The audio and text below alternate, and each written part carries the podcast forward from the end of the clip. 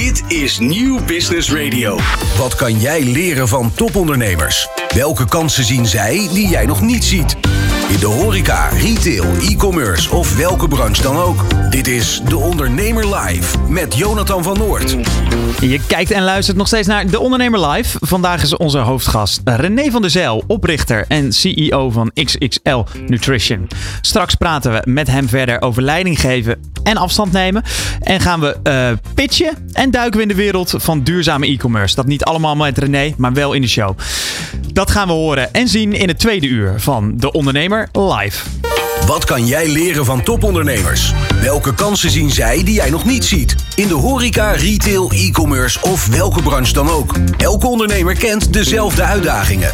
In De Ondernemer Live hoor je echte ondernemersverhalen. Elke dinsdag tussen 11 en 1 schuiven topondernemers en experts aan bij Jonathan van Noord op Nieuw Business Radio. Live meekijken kan via deondernemer.nl. Maar nu eerst naar het nieuws. Gisteren kwam naar buiten dat onderzoeksbureau Markteffect een joint venture aangaat met de Relevance Group uit Duitsland. Daarover spreek ik met de oprichter en CEO van Markteffect, Hesam Fahimi. Hesam, welkom. Ja, goeiedag. Goedemiddag. En alvast gefeliciteerd hè, met uh, dit succes. Ja, dankjewel. Ja, even voor de, voor de luisteraar en de kijker die denkt, Markteffect, wat doen jullie precies? Ja, dat snap ik. Dat is een uh, goede vraag. Wij zijn een full-service onderzoeksbureau. Wij helpen bedrijven en instellingen met geven van relevante data en inzichten, zodat zij hun marketing en sales beter kunnen bedrijven. Nou, dan moet je denken aan naamsbekendheidsonderzoek, imagoonderzoek, customer journey, maar ook zaken zoals smaaktest, haalbaarheidsonderzoek. Dat doe ik uh, niet alleen, dat doe ik uh, samen met 120 uh, collega's vanuit twee vestigingen, eentje in Eindhoven en eentje in Amsterdam. We zijn 17 jaar geleden gestart. En uh, sinds kort, zoals je net uh, al aangaf, uh, hebben we ons aangesloten bij een Europese groep, de Relevance Group, met vestigingen in, in, Hamburg, Düsseldorf en Zurich. En de totale groep, ja. en en waarom moest deze, moest deze samenwerking er, er komen? Ja, dat, wat wij merken is vanuit, de, vanuit de markt dat er, ja, onze markt verandert gigantisch snel. Hè. Er is, het gaat veel meer richting data science. Dus we moesten sneller stappen zetten op dit gebied. En waarom specifiek de Relevance Group? Uh, dat is dat er eigenlijk uh, veel overeenkomsten zijn in onze kernwaarden, ambitie. En uh, ja, vandaar dat wij eigenlijk wel moesten. En welke... Het ging, het, ging, niet snel genoeg, zou ik zo zeggen. Ja, precies. En waarom juist gekozen dan voor deze club om je bij aan te sluiten? Nou, je, je merkt dat er in de gesprekken die wij met hun hadden, dat onze kernwaarden en ambities heel erg overeenkwamen. We, we, stellen allebei onze klanten heel erg centraal. We willen een stapje extra voor ze zetten om ze zo goed mogelijk en zo snel mogelijk te helpen. En, uh, en we willen uiteraard ook heel dicht bij ze blijven. Dus ook al zijn wij zo meteen een multinational, willen we ook nog steeds dicht bij onze klanten zijn die uh, bij ons om de hoek wonen, bij spreken. En ligt daar voor jou als uh, CEO dan nog een uitdaging? Om dat toch een beetje huiselijk te houden? Ja, zeker. Nou goed, kijk, weet je wat het is? Uh, uh, uh, we zijn 17 jaar geleden met, met drie man gestart. En ehm, dus die kernwaarde om op die manier om te gaan met zowel collega's als met klanten. Ja, er zit gewoon echt, ja, die zit in onze DNA, zoals je net aangaf. Dus het is vanzelfsprekend in allerlei onboarding trajecten, interne zaken waar we hebben. Ja, dan, dat, dat doen we constant. we blijven dat benadrukken hoe belangrijk dat is. En ehm, ja, en bij onze eigen klanttevredenheidsonderzoeken komt dat ook ieder jaar gelukkig uh, naar voren dat uh, onze klanten dat ook heel erg waarderen. En uh, ja, ik doe mijn best om dat ook te blijven volhouden op deze manier. En voor welke bedrijven zijn jullie nou interessant? Ook even met het idee dat er natuurlijk ondernemers kijken en luisteren.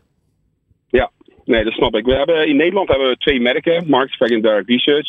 En op dit moment werken wij, hoe stom het ook klinkt, voor alle type bedrijven. Van MKB tot grote multinationals van uh, alle grote voetbalclubs in Nederland, uh, uh, sportbonden, verzekeraars, onderwijsinstellingen. Maar wat al deze bedrijven gemeenschappelijk hebben, is dat zij marketing centraal stellen. En ze hebben ambities, ze willen graag groeien. En door middel van onderzoek geven wij die inzicht aan ze, zodat zij juiste beslissingen kunnen nemen. En kan je dan een voorbeeld geven van bijvoorbeeld een recent onderzoek wat jullie hebben gedaan, wat ook echt jullie signature eigenlijk heeft? Ehm, ja, ja, recent. Hè, we, hebben doorlopend uh, zo'n 150 tot 200 verschillende onderzoeken die lopen. Uh, sommige onderzoeken zijn heel kort van doorlooptijd, zo'n 4, 5 weken. En andere projecten duren, zijn we heel, heel het jaar mee bezig. Iets wat ik uh, zelf heel gaaf vind, wat wij doen, is de mandenmakersgroep bijvoorbeeld. Die hebben meerdere formules onder zich hangen. En wat wij doen is, door middel van naamskentijdonderzoek, imagoonderzoek, brengen wij uh, in kaart van uh, hoe het daarmee staat. Uh, we koppelen vervolgens ook hun media-uitgaven daaraan, bezoekersaantallen op de, op de, in, de, in, de, in de retailers, zeg maar. We brengen alles bij elkaar in een mooi Power BI dashboard zodat iedere brandmanager van een formule ja, juist informatie doorlopend heeft om, om dingen mee te kunnen doen. En, en dit zijn denk ik allemaal dingen die dus een bedrijf aan zichzelf uh, moeilijk voor elkaar krijgt. Nou, ja, ja, nee, ja. Uh, het is lastig altijd om de uh, juiste respondenten, juiste mensen uh, te pakken te krijgen. Nou, we, we hebben eigen panel, zowel in Nederland als internationaal, om, om die inzicht te kunnen geven. En wat bedrijven juist wel goed hebben, hè, ze hebben dat zelf wel in zich in onze in huidige bedrijfsvoering, dat is inzichten, data. Maar alleen ze kunnen niet altijd uh, juist informatie daaruit halen. En dat is wat wij nu bij komen kijken met, met deze samenwerking met, met de Relevance Group. Is dat we ze ook kunnen helpen met hun eigen data, wat ze hebben, om daar betere inzichten te kunnen krijgen en juiste beslissingen te kunnen nemen. Ja, het wordt, uh, het woord is net al gevallen, hè? data. Een, een ander toverwoord uh, van 2024, AI. Hoe gebruiken jullie bijvoorbeeld AI in deze onderzoeken? Ja, het is AI. Dit is best wel een grote containerbegrip geworden. En hoe wij het proberen te doen, het is een stukje tweeledig langs de ene kant zorgt ervoor efficiëntie, zowel intern als voor de, voor de, voor de klanten. En langs de andere kant uh, uh, ja, helpt het ook onze klanten om op basis van uh, alle data betere voorspelling te doen. Niet achteraf, hè, want dat is wat wij nu heel veel doen, is achteraf onderzoek er is iets gebeurd, uh, ja, dat had je anders moeten doen. Nou, wat wij willen doen is uh, eigenlijk door middel van inzet van data science, AI, marketing technology, is om ervoor te zorgen dat bedrijven gaandeweg sneller aan de knoppen kunnen draaien, omdat er ja, dingen gebeuren en we hebben ook voorbeelden van in onderwijs, een student die dreigt uit te vallen.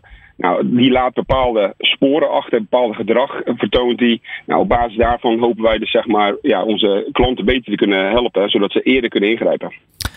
Tot slot, uh, uh, hey Sam, welke plannen uh, liggen er nu op de plank voor 2024, nu de joint venture toch echt gelukt is? Ja. ja, langs de ene kant gewoon echt doorgaan met wat we al doen. we, we, we, groeien al 17 jaar lang met meer dan 15%. Dus we doen blijkbaar iets goeds, we willen dat vasthouden. En langs de andere kant uh, uiteraard synergie zoeken met onze collega's uit Duitsland, zodat we onze klanten beter kunnen bedienen in Nederland.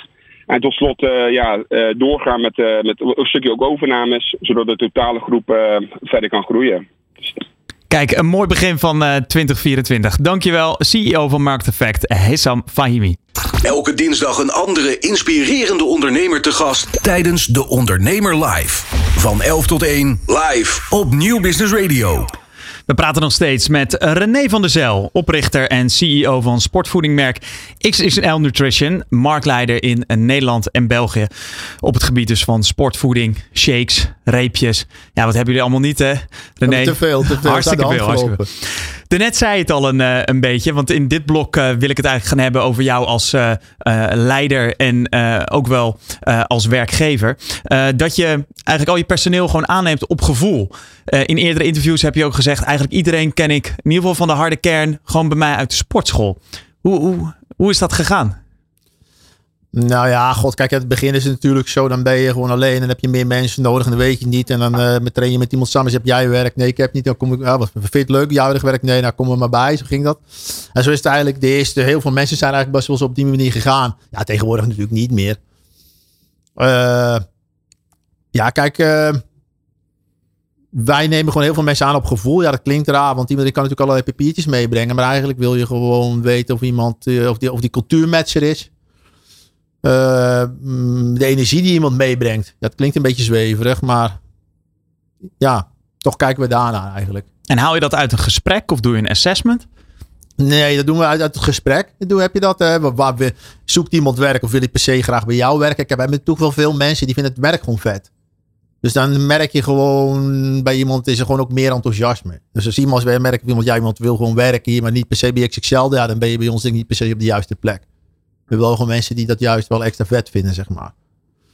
Uh, ja, diplomas vragen waar ik nooit ook om. Dat is ook raar eigenlijk. Nooit eigenlijk om gevraagd. Dat iemand zo zeggen. ja, ik neem aan dat iemand in, uh, in het magazijn wel zijn diploma heeft. Ja, nee, nee, nee, maar goed, die haal je dan intern, hè?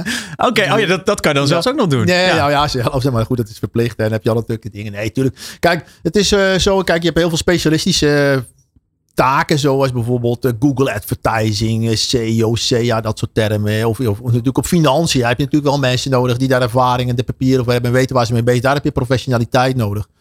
Maar heel veel dingen bij marketing of, of ja, heel veel gebieden kun je ook niet iemand.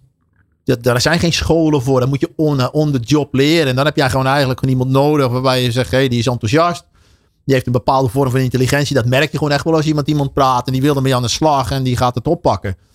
Uh, dan leer je dat on the job. Dat, dat, dat doen we heel veel. Maar je zegt wel, het moet wel matchen met, uh, met de bedrijfscultuur. Wat, wat zijn een beetje de kernwaarden die bij uh, uh, XXL Nutrition passen? Ja, kijk, we hebben een informele werksfeer. We hebben relatief weinig processen en dat soort dingen. Kijk, je, uiteindelijk hebben wij heel veel deels zelfsturende mensen. Je hebt veel vrijheid, daar moet je mee om kunnen gaan. Kijk, als jij iemand hebt die heel veel sturing nodig hebt en bij de hand nog en iemand gaat zeggen wat jij moet doen, dan is het lastig om je bij ons thuis te voelen. En dat merk je ook wel. Dan komen mensen en dan voelen ze zich, ja, ik voel me ja, een beetje te vrijgelaten. in het diepe gegooid. Ja, de diepe. Ja, ik zocht naar, ik kon er kon niet opkomen. In het diepe gegooid, inderdaad. Ja, dat kan ik me voorstellen. Dus wij hebben redelijk veel zelfsturende teams en zelfsturende mensen, omdat we weten waar we heen willen. We weten welke kant we op willen. En mensen gaan dat dan invullen. Natuurlijk in overleg. Maar heel veel sturing is er dan niet. En je hebt mensen die gaan daar gewoon lekker op. En je hebt mensen die vinden dat niet fijn. En die blijven dan ook niet. Nou, ik merk dat, je, dat wij dus heel veel mensen die daar juist heel goed op gaan. Omdat je dan een eigen inbreng hebt. Zonder dat niemand gaat jou vertellen wat je moet doen. Je weet alleen welke kant we op willen. En je gaat zelf daar uh, je eigen invulling in geven. Allemaal in overleg. Maar er is er, uh, ruimte voor je eigen ideeën. Kijk, als mensen met ideeën komen, zeg ik eigenlijk in principe altijd ja. Tenzij je er echt iets van vindt en denkt, dan ga je in, gesprek. Maar ja, mijn mening is ook maar een mening. En als jij natuurlijk drie keer nee hebt gezegd, denkt die vent of vrouw van ja, het is goed met jou. Of denk je waarschijnlijk nog niet. Waarschijnlijk stomp je gewoon af zonder dat je er gaten in hebt. Heb je een voorbeeld van iemand die, die die vrijheid gaf en wat het eigenlijk hartstikke goed is uitgepakt? Uh, ja, heel veel voorbeelden. Kijk, ik, ik, uh, we hebben mensen zijn in het magazijn begonnen en dan staat je ermee te praten en dan zegt iemand ja in het weekend, want ik loop vaak door het magazijn morgens, het eerste wat ik doe, loop ik rondjes, even boksen en even praatje. Nou ja, ik, ik, vlieg met een drone of ik doe in mijn vrije tijd, maak ik 3D animaties. Zeg je moet 3D animaties, wat doe je dan precies? Ja, dat soort dingen. Oké, ja, maar is het niet zo handig als je bij ons dan bij de, bij de content creatie komt zitten bijvoorbeeld en mensen zitten daar dan of iemand zit te photoshoppen in zijn vrije tijd.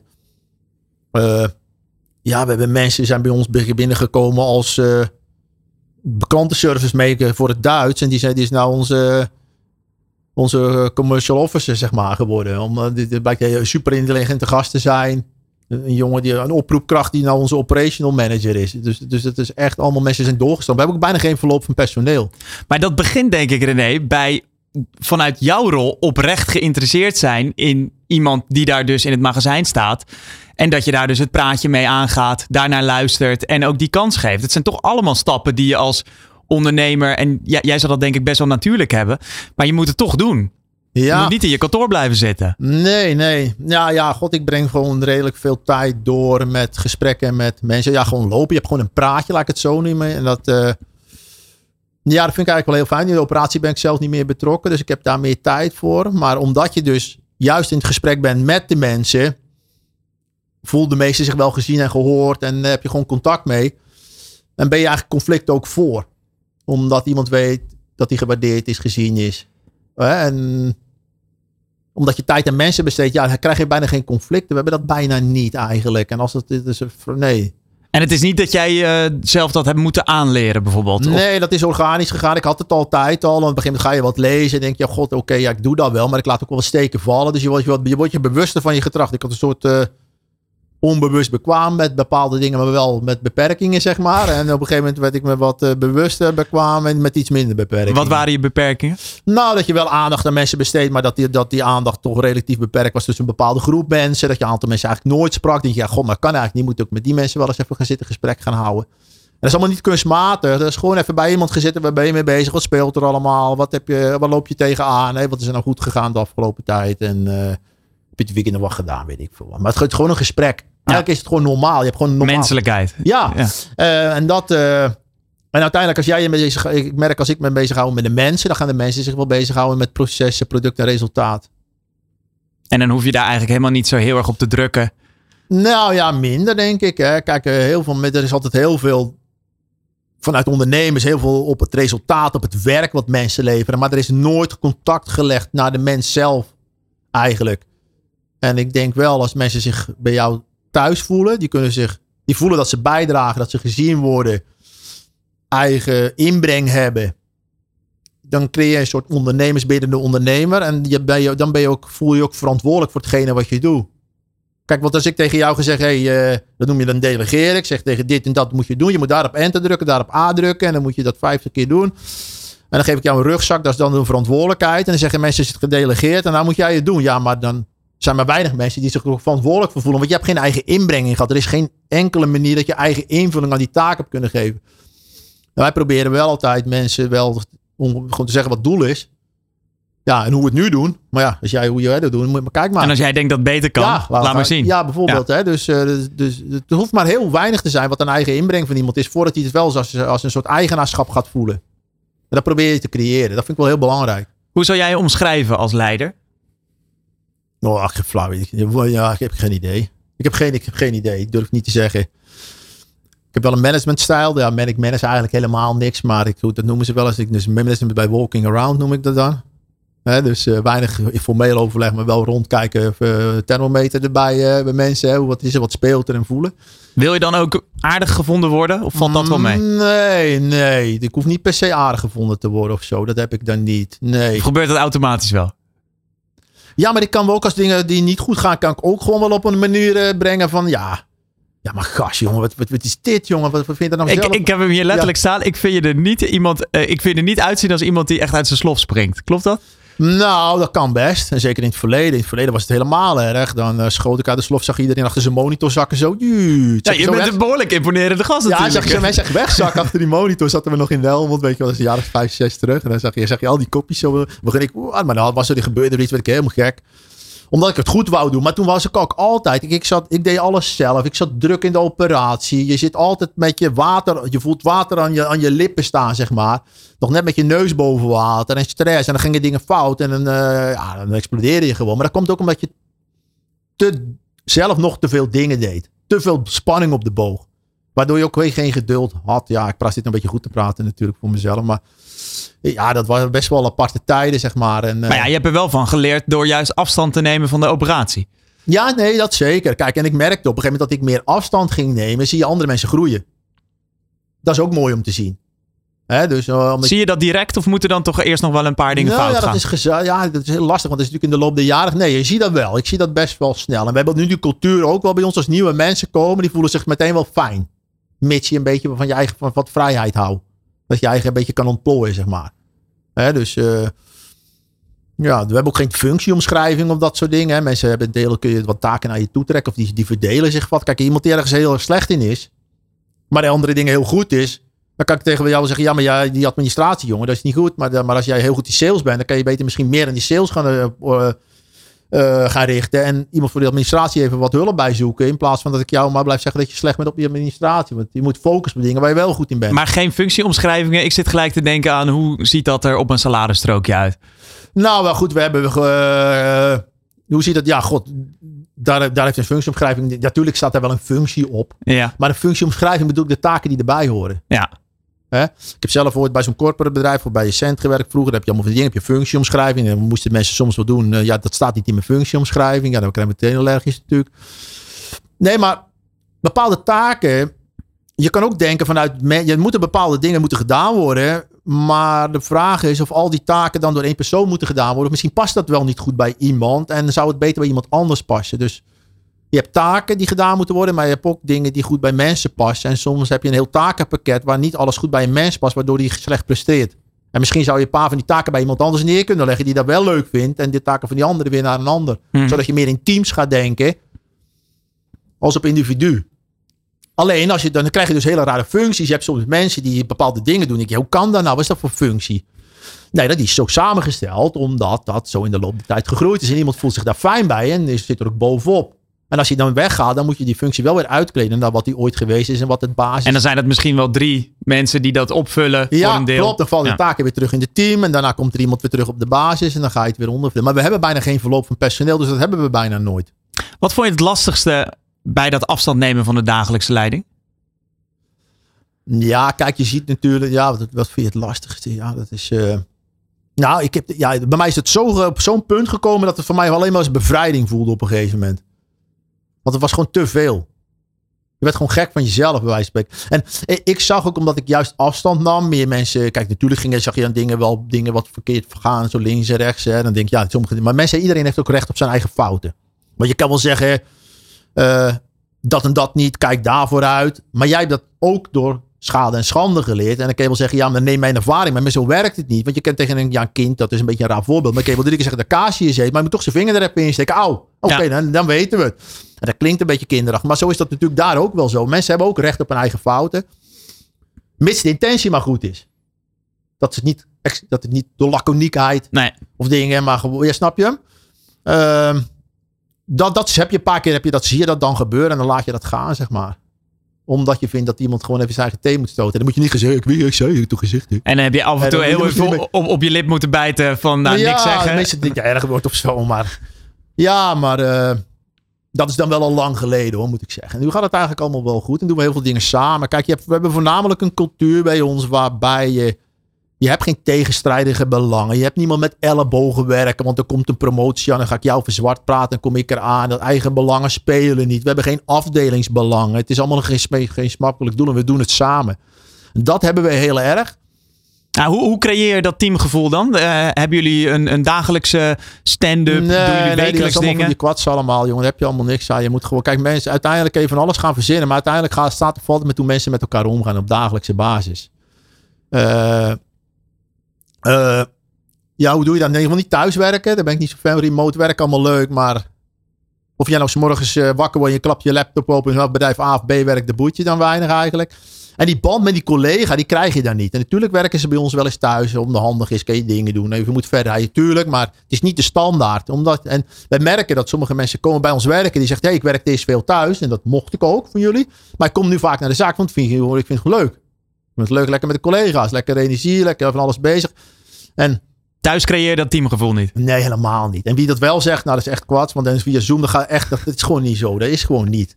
Dat, ik denk zeker dat de kracht van ons is dat we weinig verloop van personeel hebben. Dat we echt dat doen, dat mensen de hete aardappel voor elkaar opvangen. Het probleem, oh dat, nee, ik heb het opgelost. Weet je wel? Ja. Ik heb het voor je gezien. Dat stapje harder lopen, ja. dat lukt niet. eh. Nee, dat gaat echt niet. Ik zie dat echt niet gebeuren. Want dan zit je op eh, remote op je laptopje je taakjes af te werken. Dat is allemaal prima. En via zo'n Zoom call even de formaliteit af te werken. Maar die band krijg je niet. En daar, dat, dat is de basis van jullie bedrijf. Dat, dat, dat familiaire eigenlijk. Ja, ik denk het wel. Dat iets voor elkaar over hebben. Eh, gemeenschappelijk doel, geen tegenstrijdige belangen. En lekker met z'n allen het gevoel hebben dat je ook voor elkaar er bent, zeg maar. Jij bent nu echt het uithangbord hè? Op, op Instagram. eh, eh, hartstikke veel volgers. Ik was eigenlijk wel benieuwd. Wie maakt nou de beslissingen binnen het bedrijf? Ben jij dat dan nog steeds? Hoewel je niet eens met de dagelijkse gang van zaken je bezighoudt? Of zitten er toch ook een paar gasten aan de achterkant eh, die de lijntjes uitzetten? Mm, ja, dat is een hele goede vraag. Ja, Instagram zit ik niet zo op. Hè. Dat is onze, onze eigen Instagram van XXL. Nee, het is, eh, hoe moet ik het zeggen? Ehm, ja, heel veel, dat is, eh, dat is eigenlijk heel veel ook weer gemeenschappelijk. We beslissen gewoon intiem dingen. Maar heb, heb je een management team? Ja, met een management team, dat hebben we zeker. Maar dat zijn ook gewoon one of the guys. Dat is niet een baas of een manager. Dat is gewoon one of the guys. We doen het samen. Dat zijn collega's. En, en de stem van René is niet eh, twee keer waard? nee, of, eh, helemaal niet. Nee, juist niet. Ik vind dat helemaal niet. Nee, ehm, Maar levert dat soms nog wel een spanning op? Dat jij misschien zegt van, nou ja, Duitsland, dat moeten we helemaal niet doen. Maar dat eigenlijk alle jongens... Jawel, dat eh, levert wel een spanning of dingetjes op. eh, maar, dat kan, maar meestal komen we er allemaal heel goed uit. En we hebben eigenlijk nooit eh, gedoe of conflict of gekkigheid. En ik ga nooit de laatste beslissing nemen of zo. Soms komt het er wel eens op en zeggen nee, wij komen er niet uit, zeg jij het maar. Maar ik wil niet die laatste beslissing nemen, want dan ga ik dus... Dan gaan mensen op een gegeven moment René is mijn stoel, ga maar zitten jongen. Hè? Dat weet ik niet, dat zullen ze niet zeggen, maar ik gevoel krijg ik bij mezelf. Nee, eh, alles gaat eh, redelijk in goed overleg. En uiteindelijk eh, komen we op argumenten voor altijd wel bij elkaar. Ja, dat klinkt toch wel als een soort het, het ideale bedrijf wat je hebt neergezet. Dat weet ik niet. Ik denk dat we, ja, maar er gebeuren ook wel eens dingen. Kijk, jij werkt met mensen, dus er is altijd wel iets. Maar zodra, je moet altijd begrip voor elkaar hebben, denk ik. En als er een beetje die band is, weet je, dat je ook goede, dat je gestort hebt zeg, bij elkaar op, op, op, op de onderlinge band, dan is er een keer een misverstand, maar je hebt geen conflict, omdat je elkaar begrijpt. En als de intentie van mensen goed zijn allemaal, dus we weten, oké, we bedoelen allebei het goede, maar we begrepen elkaar niet goed, of we, maar we willen wel allemaal het goede. Niet dat eentje dwars met de hak in het zand en dwars gaat zitten doen of zo, weet je wel. Misschien, maar eh, we weten allemaal van elkaar dat we gewoon eh, aan hetzelfde bouwen. Dus daarom ja, heb je, heb je bijna geen gedoe eigenlijk. Ja, het onderwerp wat we nog niet hebben behandeld, tot slot dan eh, in het kort, de verkoop. De verkoop? Ja, je bent natuurlijk hartstikke vaak al daarvoor eh, gevraagd. Wat is, er- wat is je reactie dan? Op het bedrijf zelf, Ja. het hele bedrijf. Ja, dat is, eh, ja, dat klopt. Ja, dat is, eh, ja, ik vind het altijd lastig. Kijk, eh, uiteindelijk wil je, denk je, ja, waar gaat het eigenlijk? Wat wil je precies? Dat, dat weten we niet. We hebben het er wel eens over gehad, van zou dat iets zijn om naartoe te werken? Maar ja, het is, eh, kijk, uiteindelijk doe je gewoon wat je, elke dag ga ik met plezier naar het werk. Superleuk. Ik, als ik twee weken met vakantie ga, word ik niet gebeld of dat soort dingen. Hè. Dan kan ik gewoon weg, eh, wegblijven. Dus de, alles loopt door zonder mij. Het is superleuk op het werk. Collega's zijn leuk. Het gaat goed. Het is niet zozeer dat ik door een verkoop met heel veel geld dan een gelukkige mens zou worden of zo. Dus het is niet iets wat nou heel erg speelt, zeg maar. Heb je wel het idee, mocht jij er dus echt volledig uitstappen, aandelen in de verkoop, dat de ziel van XXL Nutrition nog wel blijft bestaan? Ja, dat zal misschien toch wel iets veranderen. Dat, mensen bij ons zeggen van wel. Maar dat hebben ze mij misschien gezegd om een goed gevoel te praten. Dat ik ook vijf weken toen met mijn benen thuis zat. Dus ik, ja, wat zit ik eigenlijk de hele dag op het werk te doen? Want alles loopt gewoon door zonder mij. Heb ik een paar mensen gesproken. Nee, nee, jij zorgt voor de verbinding, voor de sfeer, voor de visie, voor de energie. Dan denk ik, ja, menen ze dat nou? Zitten ze mij gewoon een goed gevoel aan te praten? Weet je wel, dat kan natuurlijk ook. Maar eh, ja, dat, ik, ik, denk wel dat ik overal nog steeds wel een, een soort eh, de stuwende kracht ben, zeg maar. Dat heb ik mezelf wijsgemaakt. Hè? nee hoor, dat denk ik wel. Ja. Dankjewel, René van der Zel van XXL Nutrition. De pitch. Ben jij degene met een briljant idee en ben je op zoek naar funding of een investeerder? Dit is De Ondernemer Pitch. Maak jouw plan wereldkundig binnen één minuut. Ja, en ook in het nieuwe jaar in 2024 gaan we weer pitchen. De wekelijkse rubriek waarin ondernemers met een hemelbestormend idee hun bedrijf en idee kunnen pitchen op zoek naar funding. En wie weet hengelen ze hier wel in de Ondernemer Live Studio die funding binnen waar ze zo naar op zoek zijn. Er is één regel en daar houden we ze streng aan. De pitch duurt één minuut. Bij ons zijn aangeschoven Glenn Ballack en Bas van der Duim van het bedrijf Menoki. En zij hebben een, eh, ja, een idee, een bedrijf wat zich afspeelt ja, op, eh, op de telefoon. De pitch. Ben jij degene met een briljant idee en ben je op zoek naar funding of een investeerder? Dit is De Ondernemer Pitch. Maak jouw plan wereldkundig binnen één minuut. Wisten jullie dat Line, het WhatsApp van Azië, jaarlijks 700 miljoen euro omzet aan digitale stickers? Mijn naam is Bas van der Duim, oprichter en CEO van Minoki, de Eindhovense tech-startup die verkoop van digitale stickers mogelijk maakt, inclusief AI. Minoki biedt een multiplatform keyboard voor digitale stickers voor bijna alle social media platformen. De oplossing voor communicatie met Gen Z, die vooral, die vooral via beeld communiceert. Daarnaast creëren we een nieuwe omzetstroom voor bedrijven en merken, zodat bijvoorbeeld Max Verstappen en Feyenoord eh, naast fysieke nu ook digitale merchandise kunnen verkopen. Onze recente partnership met HG China biedt ook nog eens toegang tot de enorme Chinese markt van onze fanstore op WeChat.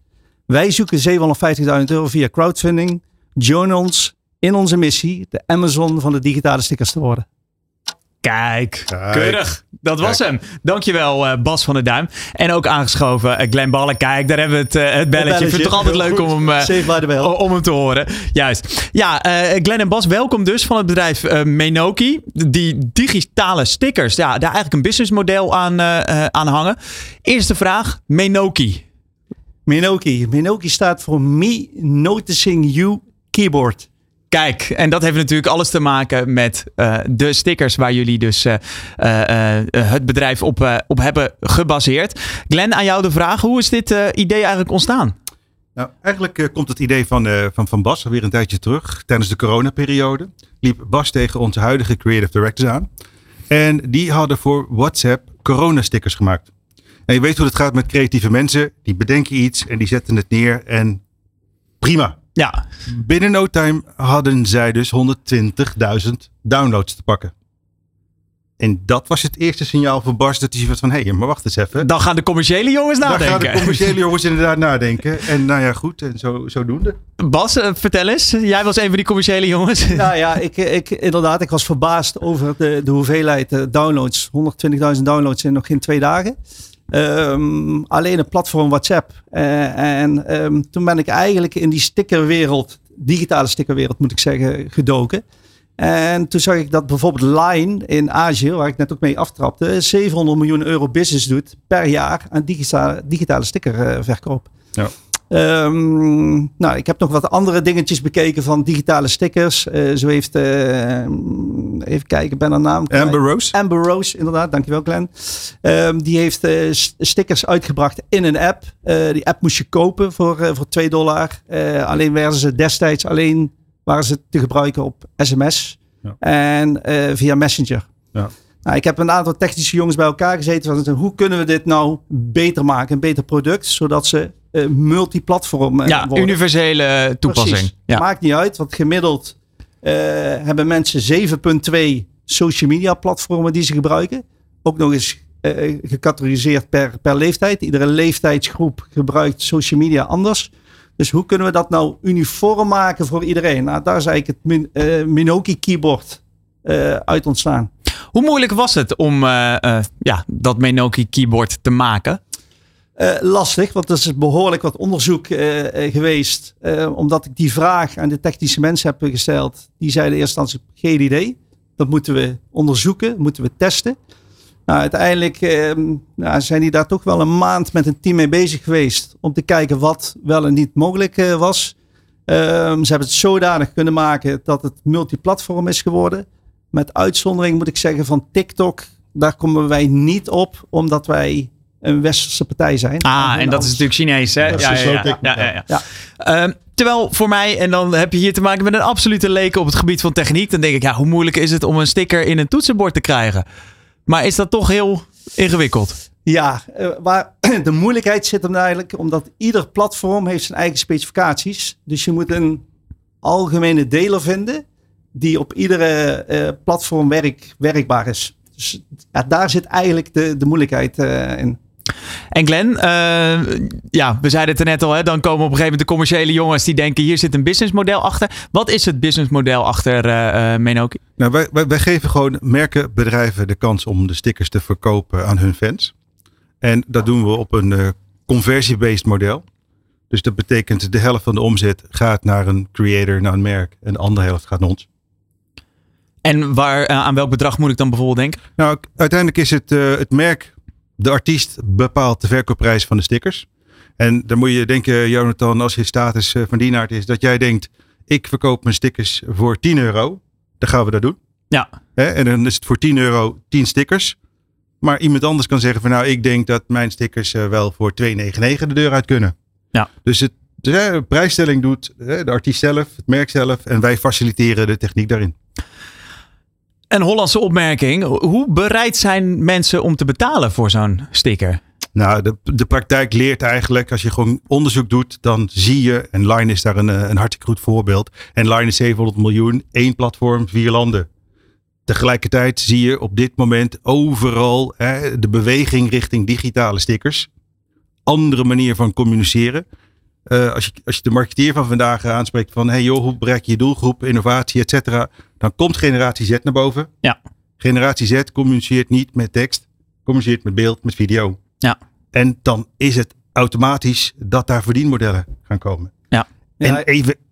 Ja, En ik kan er nog iets op aanvullen, want we hebben een testcase gedaan met de keeper van eh, Real Madrid, eh, Ja. Thibaut Courtois. Ja. Ehm, in twee weken tijd met twee posts in 29 landen eh, verkocht en in 67 landen is de app gedownload. Ja. Dat was voor ons eigenlijk een beetje de proof of concept ook, dat, er, eh, dat de consument bereid is om voor stickers te betalen. Dus eigenlijk, ja, wij noemen het ook digitale merchandise. Je koopt iets van je, van je idool. Ja, en misschien ook wel het, het, eh, eh, het idee moet nog even misschien wennen in het hoofd van de mensen dat het ook wel overdreven is dat, dat je daar niks voor betaalt. Als je dan toch zo'n fa- fan bent van Feyenoord, mijn clubpie, dat je daar dan toch ook, eh, eh, ja, wel die 2 euro die betaal je dan toch ook wel. Nou, maar ja, je bent wel gewoon gewend om eh, voor een t-shirt te betalen. Of een petje, een hoodie. Of Waar dat Wat dan ook. logo op staat. waar het logo van Feyenoord of je artiest of een Max Verstappen of wat dan ook. Waarom niet de digitale versie van merchandise? Ja. Weet je wel? Dus dat is eigenlijk een soort van logische evolutie, eh, zou ik eigenlijk bijna willen zeggen. Eh, eh, Bas, hoe gaan jullie die grote namen aan jullie binden? Ehm, nou, we, we hebben natuurlijk de namen die we, die we nu hebben. ehm, die gaan de eerste promotie voor ons doen. Eh, het, het bijzondere daaraan is dat het mond-tot-mond reclame gebeurt. Dat we de eerste aanvragen al van artiesten zelf eh, hebben, gehad. Ehm, wij zaten in die, in die pilotfase van, eh, van Courtois. Dus hebben we gezegd, we, nou, we wachten even om te kijken wat daar alle learnings uit zijn. En dan gaan we, dan gaan we daarin verder. Daarnaast zijn we met, vanuit het netwerk van Glen met een aantal marketing agencies het praten Ja. die ons daarin verder helpen. Ehm, ja, Glen, misschien kun je er ook nog iets over zeggen. Zeker, zeker. Nou, kijk, laat ik het zo zeggen. Ik ben ook eens bij uitstek hè, eh, iets wat voor, voor, voor marketing agencies, digitale agencies, talent agencies eh, werkt. Dus dat betekent dat wij ook die brug slaan naar dat soort bedrijven. Nou, eh, recentelijk, dus echt gisteren, eh, hebben we naar buiten gebracht dat wij een deal hebben met Agency China om op WeChat een uh, Minoki fanstore te gaan eh, openen. Eh, dus dat is te gek. En zo gaan we vanuit het netwerk, maar ook dit soort programma's Ja, natuurlijk ja, ja. vertellen van hey hallo, we bestaan en we zijn nieuw. En eh, kom, eens, eh, kom eens praten. Ja, is, is het voor bijvoorbeeld die voetballers ook nog nieuw eh, dat er een verdienmodel achter zo'n sticker zit? Of Nou, hebben zij dat allemaal wel? Nou, kijk, Redelijk laat, laat ik het uitgedokterd. zo zeggen. Ik denk dat, dat alle voetballers, helden, artiesten, et cetera, die weten op een gegeven ogenblik dat ze hun fanbase kunnen monetizen. Ja. Dat, dat weten ze en daar hangt een schil omheen van allerlei managers die dat heel goed voor hen eh, kunnen regelen. Maar datzelfde geldt ook voor eh, voetbalclubs. Iedereen is op zoek van, hey, goh, hoe kan ik een extra geldstroom creëren? Ja. Nou ja, goed. En dit is er, eh, dit is er eentje. Dus Feyenoord graag. Als ze daar daarmee eindelijk ook de financiële problemen eens een keer zijn opgelost, dan eh, blijf maar lekker stickeren, jongens. Ja, ja, ja. Dan, eh, dan Ja, komt het goed. ja. Ehm, zijn er nog meer opties buiten deze eh, stickers? Nou, we, we, we gaan een aantal dingen, hè, dat is wat waar we funding ook voor nodig hebben. We gaan een, ehm, de funding op drie manieren gaan we die aanwenden. Eh, in eerste instantie gaan we een e-commerce platform bouwen, waardoor de stickers niet meer voor die Minoki app verkocht hoeven te, te worden, maar dat je gewoon op je eigen website, fanshop, dat je ze daar kunt aanbieden. Ehm, daarnaast zijn wij bezig met eh, AI selfie stickers. Ehm, ik heb een leuke eh, stickers voor jou De gemaakt. telefoon even erbij pakken. Jonathan. de- de- ik, Let op, hè? ik pak hem erbij, ja. zou ik je, zou ik je meteen doorsturen. Ehm, en eh, een beetje afgekeken van, eh, van Line is dat wij een creators marketplaats eh, gaan, eh, gaan maken. Waardoor Ja. alle creatieven wereldwijd eh, hun creatie als sticker kunnen aanbieden en via ons platform eh, kunnen verkopen. Dat is ook de reden waarom ik af heb gesloten van wij willen de Amazon van de digitale stickers worden. En waar moet ik dan bijvoorbeeld aan denken? Ehm, Hoe, hoe, bedoel- hoe bedoel jij? Waar moet ik dan alle denken? creaties bedoel ik. Ja, aan creaties. De- de- de designers, zeg maar, die, die, eh, er zijn heel veel creatieve designers op. Bij, bij, eh, eh, bij, bij Line zijn daar eh 200 creatieve mensen, dus die digitaal kunnen schetsen, zo noem ik het maar even. Die zijn er miljonair mee geworden. Omdat hun sticker op het schoolpleintje goed, goed valt. En ja, in- precies. In, de massa. Zo, ja, ja. Ja. En ik denk, en ik denk ook, eh, Jonathan, wij leven in een creators economy. Even heel simpel. Als jij iets kan creëren, kan je er geld mee verdienen. En dan is er ook een digitale route. Ja. En vervolgens ook als je kijkt naar generatie Z. die denken niet in termen van loondienst. Die willen lekker op Bali gaan eh, zitten. En, misschien kan het wel met één sticker En dat maken. kan Ja, je dan misschien met één sticker. Ja. Weet je wel? ja dat, dat, dat zal toch wel het mooiste zijn als dat, eh, als dat zou kunnen. Maar dat is toch de wereld van vandaag, weet je. Dat is dat je toch eh, eh, op een andere manier nog steeds een hartstikke leuke boterham kan verdienen. En Bas is volgens mij nu aan het appen. Ja, kijk eens, kijk eens. Ja, voor, de mensen die denken, wat, wat, wat zit hij nu op zijn eh, telefoon te doen? Nee, ja, er is dus een, een, een, een sticker van mij gemaakt. Eh, ja, te zien toch wel als een hele aantrekkelijke eh Barbie can eh, in winterjas. Wat dacht je hiervan? Dit ben ik als astronaut. Ja, jongens, de mogelijkheden zijn eindeloos. Ja. Ik ga hier gelijk eh, copyright opzetten. Ehm, eh, Glenn, eh, d- crowdfunding, is, er daar, daar is de keuze op gevallen. Waarom? Nou, wij, zijn, we hebben op een gegeven moment verschillende partijen benaderd. Ze hebben, ze hebben mee gaan praten. En uiteindelijk eh, hadden wij een goed gevoel bij Slim Beleggen. En eh, ook de feedback die we gekregen hebben vanuit het netwerk. eh, dat iedereen zoiets had van, nou weet je, dit is een sympathiek concept. En dat zou heel erg ook vanuit bottom-up gedragen kunnen worden. En vandaar eh, crowdfunding. En het gaat hartstikke goed, want eh, we zitten volgens mij over de helft vandaag. Meer dan de helft. meer dan de helft is alweer binnen. Dus, dus het gaat lekker. Ja. Ja. Ja. En eh, vanaf welk bedrag kunnen eh gegadigden, ik wou zeggen ondernemers zich melden? Ja, ja maar oh, het zijn, het zijn oh, ja. ondernemers hoor, die eh, Ja. investeren. Het is een eh, inleg vanaf 3000 euro. Eh, de, de, het doel is om 750.000 euro op te halen. En as we speak zitten we nu op 455.000 euro. Is net voor kerst begonnen. Dus eh, ja. wij zijn Nou, dat is de, Ja. eh, de wind mee. Ja, Eh, eh, Glenn, tot slot, eh, een blik op de toekomst. Hoe zie je het, eh, hoe zie je het voor je? Nou, kijk, weet je wat te gek zou zijn als wij gewoon eh, dit jaar een aantal aansprekende namen ook vanuit Nederland binnen kunnen halen. Waarbij we gewoon de mogelijkheid kunnen bieden om daar waar de fans shopt, hè, waar de fans shopt, ook de digitale sticker te kunnen kopen. Ja, te gek. En als wij ergens in eind Q1, eh, begin Q2 AI selfie stickers op de markt kunnen zetten, dan zijn we vertrokken. Ja, en dan nog, nog even over die shop. Dat je dan bijvoorbeeld in de fanshop van een voetbalclub, dat je daar een Exact. shirtje kan Exact. kopen, het Exact. sjaaltje en Exact. de sticker. Exact. Kijk, alle clubs, alle artiesten hebben gewoon eh, hun eigen webshop. En daar kan je dus de merchandise kopen. En dan zie ik gewoon voor me de extra button digitale stickers. En klik, kopen, afrekenen en in je keyboard en aan de gang. We gaan het in de gaten houden. Mooie Graag. plannen voor 2024. Dankjewel, Glenn Ballack en Bas van der Duim van Menoki. Dit is De Ondernemer Live op Nieuw Business Radio met Jonathan van Noord. Wie actief is in de wereld van e-commerce, die wil uiteraard zoveel mogelijk resultaat halen uit deze digitale activiteiten. Om je daarmee te helpen, worden binnenkort weer de webwinkel vakdagen gehouden. En wel op 23 en 24 januari 2024. Dus dat is over een week of twee. Wat je daar kunt leren, ja, dat hoor je vandaag alvast. Want, althans voor een deel, eh, Kika Buurman eh, van eh, de CEO van Nespresso, die is aanwezig. En jij bent een van de sprekers daar op de webwinkel vakdagen. Kika, welkom. Ja, dankjewel Jonathan. Ja, dan. ja, ik hoef Nespresso hoef ik denk ik niet meer te introduceren. Hè. Dat kent iedereen wel. De bekende koffiefabrikant met de capsules. Ehm, ja, jouw talk daar, dat is een combinatie van duurzaamheid en samenwerking. Eigenlijk een pleidooi voor meer duurzaamheid en meer samenwerking. Twee punten die ook ontzettend actueel zijn. Laten we eens beginnen met die duurzaamheid. Hoe pas jij dat toe bij Nespresso? Ja, ik denk dat het een van de mooiste, maar ook een van de meest complexe onderwerpen is waar bedrijven aan blootgesteld worden. Het zit in elk onderdeel van je bedrijfsvoering. Dus je kan het niet zien als iets los, een apart programmaatje dat je erbij doet. Het zit echt verweven in alles wat je doet. Nou, hoe ik er zelf graag naar kijk om het een beetje behapbaar te houden, is aan de ene kant zo belangrijk dat alles inzichtelijk is. Dat je echt kan meten. Wat is de impact, de uitstoot die je hebt als bedrijf? Zodat je ook weet dat de effort die je doet om het positiever te laten zijn, dat die ook echt vruchten afwerpen. Er is vaak een perceptie dat iets wellicht niet zo goed is. Maar de, de echte boosdoener zeg maar, zou ergens anders kunnen zitten. Ja. Dus echt het meten. En het tweede stuk is, als je dat inzichtelijk hebt, hoe ga je zorgen dat je daar zoveel mogelijk ja, positiviteit aan kan koppelen? Ja. Doe je dat zelf? Of ga je actief die samenwerking opzoeken?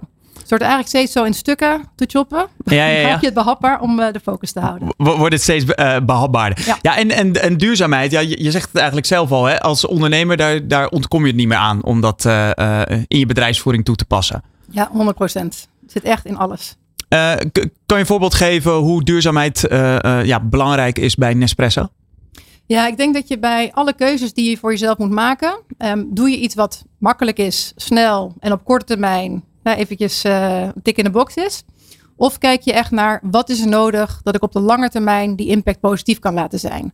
Wat vaak een wat lastigere weg is. Wat soms ook vraagt dat je uit je comfortzone gaat, samenwerking moet gaan sluiten en daar echt mee aan de slag moet gaan. Als ik kijk bijvoorbeeld bij uh, Nespresso, wat voor de consument heel zichtbaar is, is het moment als jij je kopje koffie hebt gemaakt ja. en je gooit de capsules weg ja. en ze gaan in de vuilnisbak. Nou, dat is het gevoel van afval, recyclen. Ja, had ik dit niet heel, apart moeten gooien. Ja, ja. dit is heel tastbaar. Bij Nespresso hebben we ons eigen recycling systeem. Waar op dit moment 35% van de consumenten hun producten eigenlijk, het gebruikte capsules, bij ons terugbrengt. Kan je aan de ene kant zeggen, 35% is niet gek voor een privaat systeem. Mm -hmm. Wij willen dat het 100% is. Nou, in je eentje ga je dat niet redden. Ja. Dus van daaruit zijn we met uh, acht andere koffiepartijen in een vereniging gestapt. Die we net in december hebben opgericht. Ja. Dus acht concurrenten hebben samen een koffiecapsulevereniging opgericht. Om ervoor te zorgen dat al het aluminium en plastic uh, koffiecapsules die in het afval terechtkomen. In samenwerking met de afvalsorteerders, dus met de afvalbedrijven in Nederland, eruit gesorteerd kunnen gaan worden en daarmee volwaardig gerecycled. Nou, dat is denk ik een manier hoe je kan laten zien dat er continu mogelijkheden zijn om dingen te verbeteren. Mm -hmm. Maar je kan het niet altijd in je eentje aanpakken. Maar dat lijkt me heel uh, uh, makkelijk gezegd. Hè? Dat gaan we samen doen. Uh, maar jij gaat mij niet vertellen dat dat binnen twee mailtjes geregeld was. Om met acht concurrenten een soort. Ja, om, om een vereniging te starten. Om dat inzamelen zo goed te doen. Nee, en dat is absoluut waar. Ik ben ook blij dat je dat benoemt. want ik hoop oprecht dat er ontzettend veel andere industrieën hier wellicht door geïnspireerd kunnen raken. En ook actief die samenwerking met elkaar gaan opzoeken. We zijn twee jaar bezig geweest om met deze acht partijen ons te focussen op wat verbindt ons. Het eerste wat je vaak doet met je concurrent is: Mhm. hoe kan ik beter zijn dan Ja. jij? En zo min mogelijk informatie delen. Blijf vooral lekker concurreren op het personaliseren van de beleving, je webshop, de service die je geeft, de productenkwaliteit. Mhm. Maar op duurzaamheid hebben we gezegd, op dit stuk van het recycling, we gaan als industrie samenwerken. Ja. Dus met deze acht partijen eh, zijn we samen 90% van de productie eh, van de capsules. Dus in die twee jaar samenwerking hebben we aan de ene kant gekeken eh, wat verbindt ons en wat willen we gaan bereiken met elkaar. Maar nog belangrijker, welke oplossingen zijn er? En daar hebben we heel geweldig met de afvalverwerker Ommerin, dat is Ja. de afvalverwerker in Heerenveen, gezien wat er kan. En door hun eigenlijk innovatiekracht eh, hebben we gezien, we kunnen met elkaar eigenlijk ja, met heel afvalwerkend Nederland aan de slag gaan. Om te kijken of we alle capsules kunnen gaan recyclen in de toekomst. Want ja, dan kom je eigenlijk natuurlijk bij het doel. Dat is niet die 35% die je nu als individu of, of als los merk eigenlijk haalt. Maar dat dat dus echt richting de 100 gaat. En dan heb je die hele groep nodig. Precies, en dat is denk ik waar de kracht zit van wat wil je uiteindelijk hè, op lange termijn bereiken. Op korte termijn kunnen we alleen door blijven gaan. Ja. Kan ik elk jaar kunnen een paar procentjes erbij sprokkelen. Gaan we niet bij die 100 komen. Dus door nu voor de wat lastigere weg te kiezen, waarbij je actief die samenwerking opzoekt, wat dus langer duurt, intensiever is. Er zijn frustratiemomenten geweest, er zijn discussies geweest. Maar dat we nu met elkaar in december deze vereniging hebben kunnen oprichten. De eerste samenwerking hebben staan. En met de andere afvalverwerkers intentieverklaringen hebben om dit voor de komende twee jaar allemaal mogelijk te gaan maken. Ja, vind ik dan echt te gek. Dan Ja. denk ik, oké, hier kunnen we echt op de lange termijn grote klappen slaan. Maar toch, wat was het moeilijkste? Wat, wat was de hobbel die je over moest om met eh, eh, acht van die bedrijven in die vereniging te gaan? Ja, ik denk dat je eh, duidelijk moet zijn als je zo'n pad met elkaar aangaat.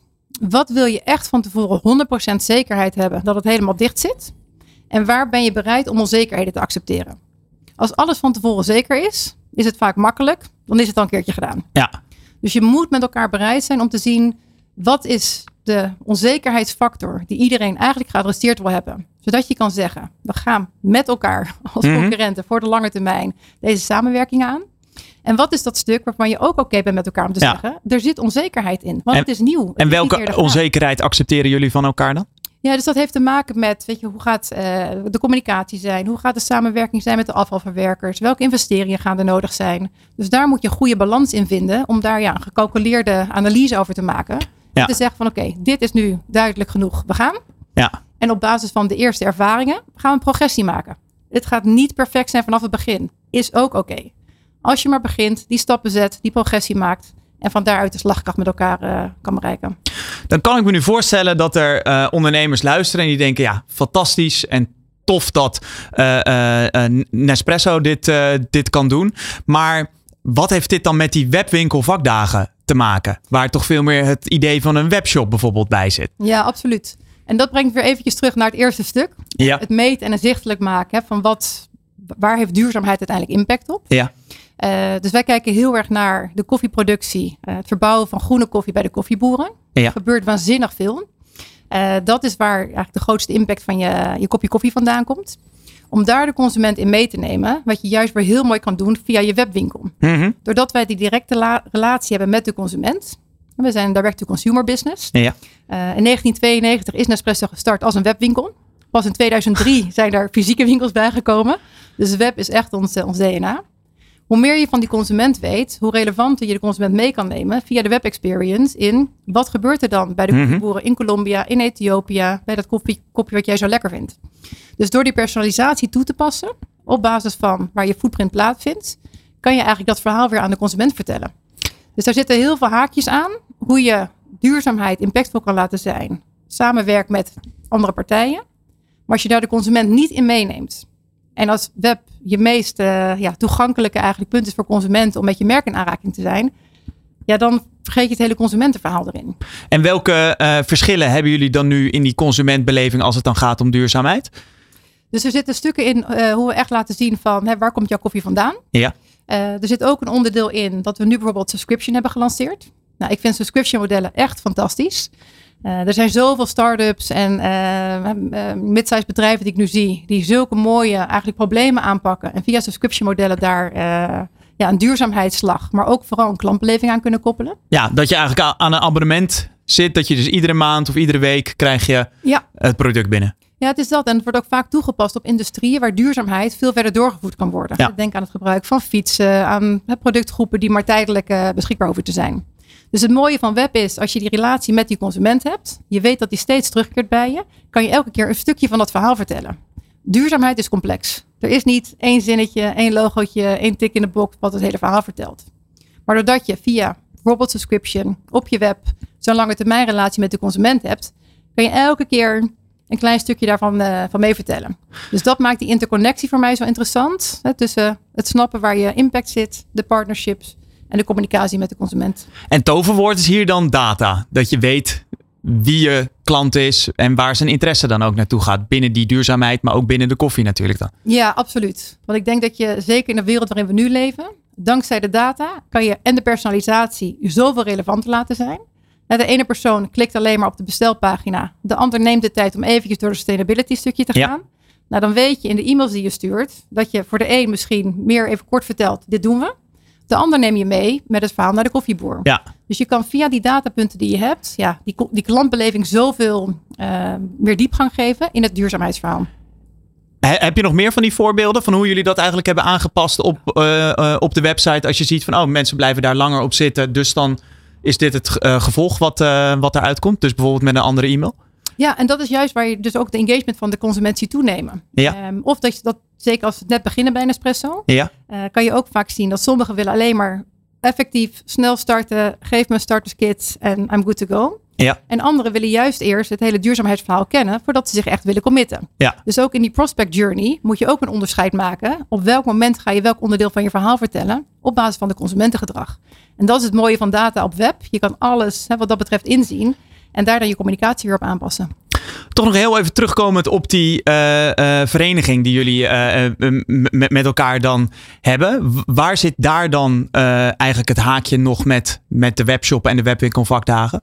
Ehm, nou, ik zou niet direct zeggen dat die als individuele één op één daar, daarin terug gaat komen. We hopen wel ook als industrie dat dit een voorbeeld kan zijn. Wellicht ook voor andere eh, partijen en eh, bedrijven binnen industrieën. Om elkaar op te zoeken en te gaan samenwerken. Want als het op duurzaamheid aankomt, je kan met elkaar zoveel meer bereiken dan in je eentje.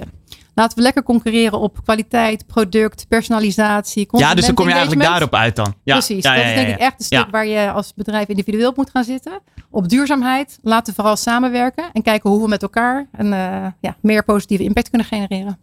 Ben je nou geïnteresseerd geraakt in het verhaal van Kika? Of wil je andere toppers uit de wereld van de e-commerce eh, eh, door hen worden bijgespijkerd? bijgespijkerd? De web, webwinkelvakdagen die worden nog gehouden op 23 en 24 januari. Wees er dus snel bij, want op is op.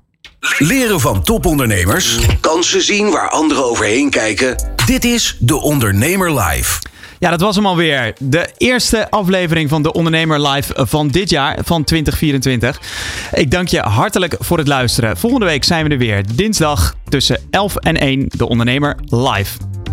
Wat kan jij leren van topondernemers? Welke kansen zien zij die jij nog niet ziet? In de horeca, retail, e-commerce of welke branche dan ook. Elke ondernemer kent dezelfde uitdagingen.